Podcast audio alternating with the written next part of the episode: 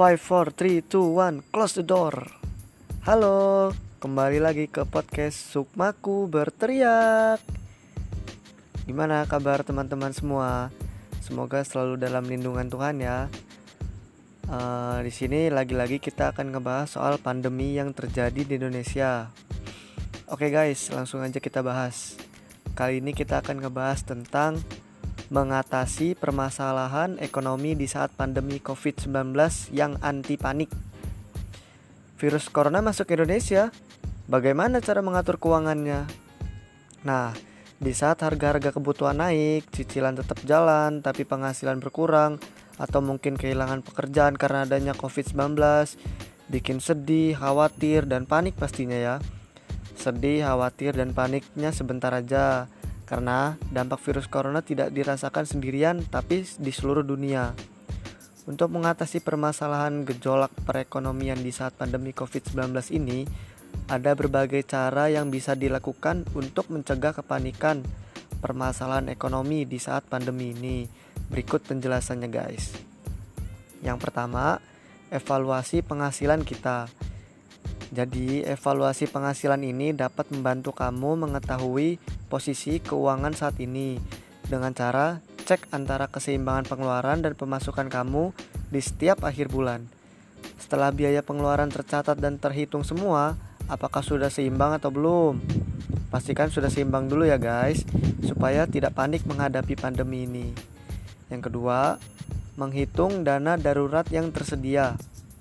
Ketika permasalahan ekonomi datang, yang diperlukan adalah dana darurat yang kita punya.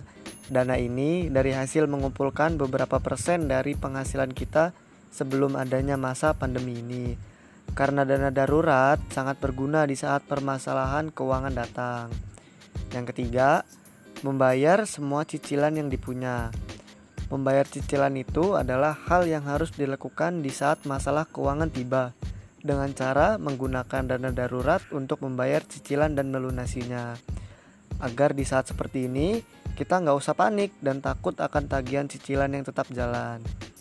Yang keempat, menghitung ulang budget rumah tangga.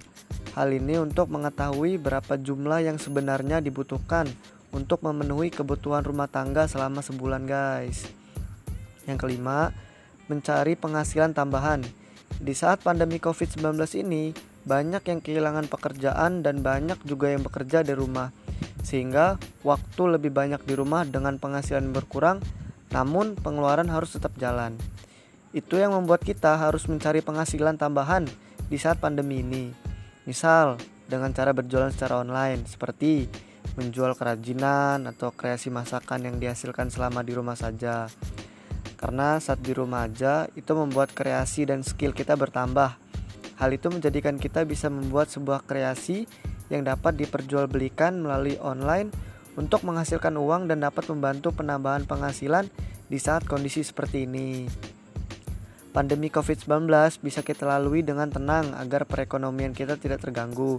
Kita juga bisa memutar ide dan mengelola keuangan yang sudah ada agar tidak panik dan menjadi depresi karena masalah yang muncul di era COVID-19 ini, terutama masalah keuangan yang terjadi. Oke guys, sampai sini aja untuk yang kita bahas. Lanjut, see you.